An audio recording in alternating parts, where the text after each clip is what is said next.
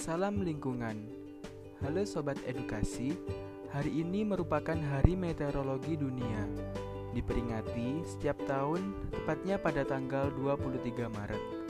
Pada awalnya, organisasi ini bernama Organisasi Meteorologi Internasional. Kemudian menjadi Organisasi Meteorologi Dunia pada tanggal 23 Maret tahun 1950 merupakan bagian dari badan khusus PBB untuk meteorologi, hidrologi operasional, dan terkait pada ilmu geofisika pada tahun 1951. Tahukah kamu, dalam sehari ada kurang lebih 12,5 miliar ton es di Greenland meleleh. Peneliti Benjamin Center dari Lawrence Livermore National Laboratory di Livermore, California, Amerika Serikat, memaparkan ada kemungkinan 99,999% manusia adalah penyebab utama dari pemanasan global. Nah, tahukah kalian apa saja dampak dari perubahan iklim tersebut? Yang pertama, cairan lapisan es di kutub utara dan di puncak gunung curahnya cukup tinggi.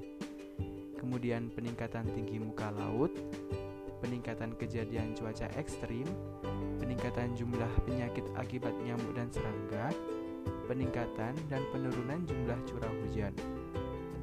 Jika semua lapisan es Greenland meleleh, maka permukaan laut global akan naik sekitar 20 kaki atau 6 meter.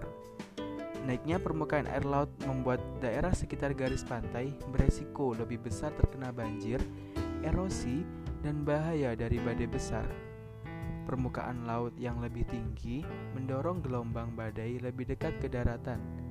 Nah, Mimin Rumah punya tips nih terkait pencegahan perubahan iklim tersebut.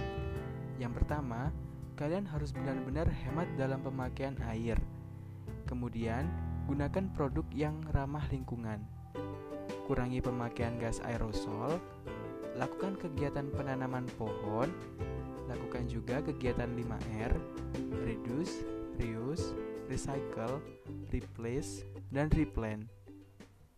Dan juga yang terakhir, kalian jangan lupa untuk menghemat listrik. Yuk, awali langkah baru dan lebih baik dari penghuni rumah yang mengedukasi.